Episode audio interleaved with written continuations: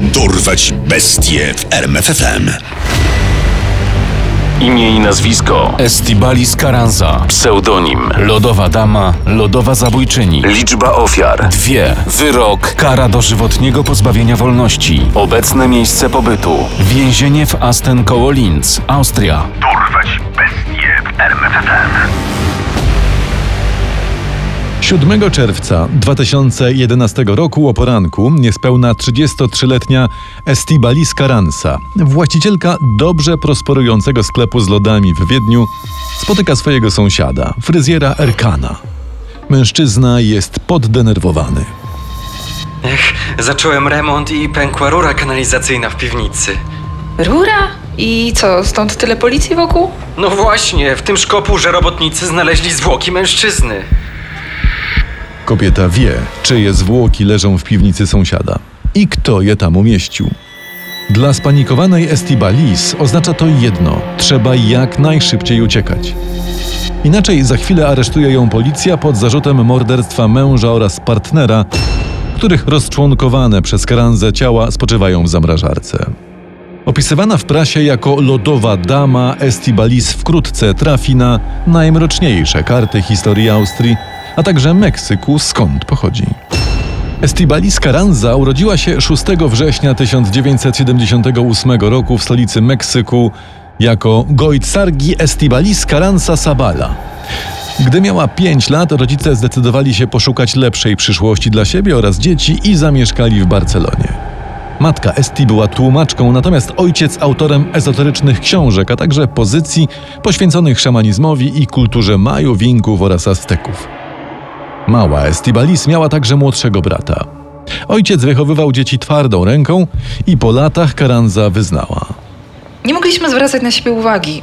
Musieliśmy zachowywać się tak, jakbyśmy nie istnieli. Dziewczyna już od najmłodszych lat snuła mordercze fantazje. Dotyczyły nie tylko ojca, ale też jej pierwszego chłopaka, z którym była w związku przez pięć lat.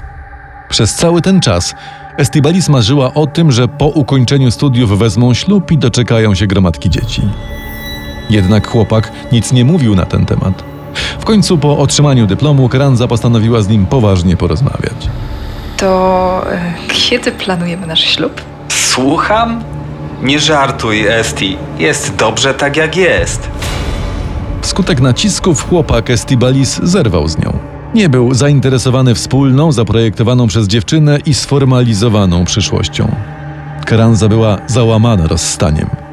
Jej rozpacz manifestowała się nie tylko płaczem w poduszkę, ale i całkiem konkretnym planem zemsty. Chciała uszkodzić hamulce w samochodzie mężczyzny i doprowadzić tym samym do jego śmierci, a przynajmniej do wypadku. Te myśli prześladowały ją całymi tygodniami. Ostatecznie Karanza odstąpiła jednak od ich realizacji. Może dlatego, że niespodziewanie przyszła do niej propozycja z Niemiec od znajomych jej rodziców. Esti, a co byś powiedziała na to, żeby znaleźć tu pracę? Możesz u nas zamieszkać, jeśli chcesz. Dziewczyna chętnie skorzystała z propozycji i została au pair w Monachium, a następnie znalazła pracę w lodziarni niedaleko Norymbergi. Tam poznała Holgera Holca, o 14 lat starszego sprzedawcę lodówek i członka wspólnoty Hare Krishna. Już w kilka tygodni po pierwszej randce para wzięła ślub. Na uroczystości nie zjawił się prawie nikt z rodzin państwa młodych. Zarówno Holcowie, jak i rodzina Karanzów byli przekonani, że wszystko toczy się w zbyt szybkim tempie i małżeństwo nie ma szans na szczęśliwą przyszłość. Zaraz po ślubie, który miał miejsce w 2002 roku, państwo Holz przeprowadzili się do Berlina, rodzinnego miasta Holgera. Kobieta zaczęła tam pracę jako kelnerka w lodziarni, jej mąż natomiast zajmował się głównie trzymaniem ręki na jej pieniądzach. Po aresztowaniu Karanza powie – Chciałam wracać do Hiszpanii, ale zabrał mi wszystkie dokumenty. I maltretował fizycznie i psychicznie. W 2005 roku małżeństwo przeprowadziło się do Wiednia, gdzie wspólnie otworzyło lodziarnię w dzielnicy Meidling. Niestety nie poprawiło to ich prywatnej relacji, wręcz przeciwnie. Do tego Holz przejawiał coraz większe zainteresowanie bronią. Zmusił także żonę do przyłączenia się do wspólnoty Hare Krishna. Kobieta nawiązała romans z Manfredem Hinterbergerem, przedstawicielem handlowym. Poznała go zaraz po przeprowadzce do stolicy Austrii, jednak długo opierała się temu uczuciu. Dopiero w 2007 roku ich znajomość przeszła w zażyły etap, a Karanzy coraz bardziej ciążyła obecność znęcającego się nad nią męża. 27 kwietnia 2008 roku Estibalis wróciła z pracy i zastała zwykły widok. Holger siedział na tapczanie i grał w strzelanki. Holger! Wyłącz tę gry, zaraz będzie obiad. Daj mi spokój, idiotko, do niczego się nie nadajesz. Przez kilka godzin Holz obrażał Karanzę, która według niego przeszkadzała mu w spokojnym graniu na komputerze. W końcu kobieta nie wytrzymała i strzeliła do niego trzy razy od tyłu z pistoletu Beretta. Strzały okazały się śmiertelne. Początkowo Estibalis nie wiedziała, co zrobić ze zwłokami Holgera. Przez kilka dni leżały w fotelu, a morderczyni próbowała je bezskutecznie spalić wraz z całym mieszkaniem. W końcu kupiła w markecie piłę łańcuchową i poprosiła sprzedawcę o to, by pokazał jej, jak jej używać. Następnie pocięła zwłoki na części, włożyła do plastikowych worków i wrzuciła do zamrażarki, którą zalała betonem. Wiedziała jedno: zamrażarka nie może pozostać z nią pod jednym dachem. Poprosiła zatem sąsiadów o pomoc w jej transporcie do piwnicy. Ach, Holger wyjechał do Indii, do, wiecie, do tej swojej sekty. Opowieść brzmiała o tyle prawdopodobnie, że Holz faktycznie planował taką podróż. Karanza wciskała tę bajkę wszystkim znajomym, aż w końcu sama prawie w nią uwierzyła. Starała się zapomnieć o byłym mężu, co ułatwił jej Manfred Hinterberger. Para zamieszkała razem. Manfred zainwestował duże pieniądze w lodziarnię Estibalis i przez jakiś czas ich życie toczyło się spokojnym rytmem. Jednak wkrótce sielanka została zakłócona. Tę pierwszą lafiryndę ci wybaczyłam, ale kolejna zdrada? Hinterberger był niewierny Karancy, co kobieta w końcu z bólem odkryła. Nie chciał także mieć z nią dzieci, ponieważ posiadał już dorosłych potomków z poprzednich związków. Do tego nieustająco krytykował jej wygląd i zmusił partnerkę do udania się na szereg zabiegów kosmetycznych i operacji plastycznych. Karanza zoperowała sobie m.in. nos i zrobiła lifting twarzy. Jeszcze te usta sobie musisz ostrzykać, bo masz jakieś takie brzydkie, cienkie. Ostatecznie Estibalis podjęła decyzję. Manfred musi podzielić los jej męża. Nauczona doświadczeniem, Karanza wzięła kilka lekcji na strzelnicy. Zakupiła także plastikową folię, którą zamierzała wyłożyć mieszkanie w celu szybkiego i skutecznego usunięcia śladów. Co zaplanowała, zrealizowała w nocy z 21 na 22 sierpnia, gdy po całym dniu spędzonym na wspólnej wycieczce para wróciła do mieszkania. Estibalis poczekała, aż Manfred zaśnie, a następnie strzeliła mu cztery razy w tył głowy. Później przed sądem zeznała. Byłam taka zła, wściekła. Miałam pistolet ukryty pod materacem, więc wyjęłam go, załadowałam i strzeliłam. Tak jak w przypadku Holca, Estibalis rozczłonkowała zwłoki za pomocą piły, a następnie spakowała je do worków i przeniosła do piwnicy, gdzie schowała w zamrażarce i zalała betonem. Następnie zadzwoniła do brata mieszkającego w Barcelonie, żeby się teatralnie pożalić. Manfred mnie zostawił. Jestem załamana.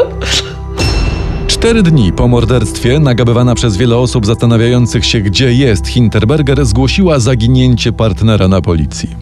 Jednocześnie zasugerowała, że Manfred prowadzi podejrzane interesy z Albańczykami i z Rosjanami, więc niepokoi się o jego życie. Półtora miesiąca później Estibalis wyprowadziła się do nowego partnera. Tym razem był nim 47-letni Roland R., rozwodnik, starszy od Karancy o 15 lat. Według kobiety w końcu udało jej się trafić na idealnego mężczyznę. Do tego pragnącego mieć z nią dziecko. 25 maja 2011 roku Esti dowiedziała się, że jest w ciąży. Szczęście pary trwało zaledwie dwa tygodnie, do czasu, gdy sąsiadujący z nią fryzjer rozpoczął remont lokalu, podczas którego odkryto zwłoki zabetonowane w zamrażarce. Kranca, wiedząc, że trafiła na listę podejrzanych, postanowiła uciec z kraju. Pojechała na lotnisko, by wsiąść do samolotu do Paryża lub Meksyku, ale zorientowała się, że może zostać aresztowana po wylądowaniu. Udała się więc autobusem do Włoch, gdzie zameldowała się pod fałszywym nazwiskiem w prowincjonalnym pensjonacie. Następnie pojechała do Udine, tam zaczepiła ulicznego grajka. Zostałam pobita przez męża. Nie mam się gdzie podziać. No dobrze, możesz się zatrzymać u mnie przez parę dni. Tak się stało, ale Karanze zgubiła ciekawość. Poprosiła ulicznego artystę nie tylko o nocleg, ale i o telefon a następnie zaczęła przeglądać wiadomości w internecie na swój temat. Nie umiała skasować historii wyszukiwania. Właściciel telefonu, gdy zobaczył, co czytała, uznał, że opis poszukiwanej pasuje do jego przygodnej lokatorki i postanowił zadzwonić na policję. 10 czerwca 2011 roku Estibalis została aresztowana, a władze austriackie szybko wystąpiły z wnioskiem o jej ekstradycję. W czasie przesłuchania ciężarna Karanza przyznała się do zamordowania dwóch mężczyzn oraz do pozbycia się ich ciał. Dwa tygodnie po aresztowaniu została przewieziona do więzienia w Austrii. 11 stycznia 2012 roku urodziła syna, który został oddany pod opiekę ojcu. Estivalis i Roland wzięli ślub w wiedeńskim więzieniu Józefstadt. Tymczasem trwało intensywne śledztwo w sprawie zabójstw dokonanych przez Karanzę. Mimo wielu wątpliwości i podejrzeń nie udało się zidentyfikować ewentualnego wspólnika Estibalis. Kobieta została też poddana badaniom psychiatrycznym. Opinia psychiatrów wskazywała na poważne zaburzenia osobowości u oskarżonej. Podczas popełniania przestępstw była poczytalna. Istnieje duża obawa, że gdyby znalazła się na wolności, mogłaby ponownie zacząć zabijać.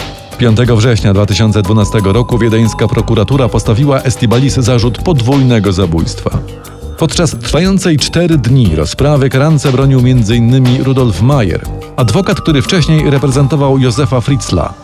Już pierwszego dnia procesu oskarżona przyznała się do wszystkich zarzutów.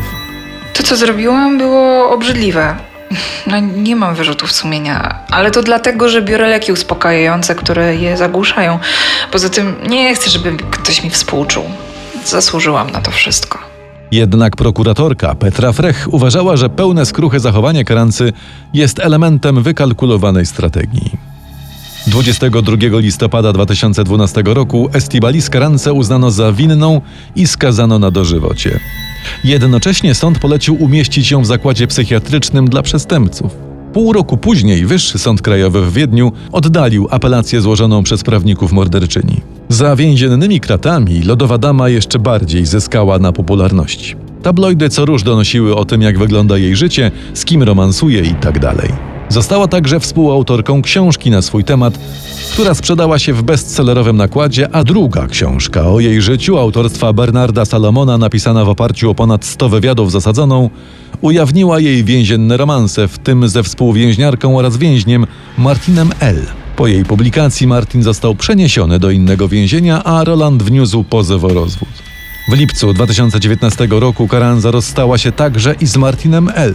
Do chwili obecnej lodowa zabójczyni przebywa w więzieniu Asten w górnej Austrii.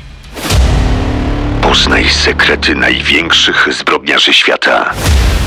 Dorwać bestie w RMFFM.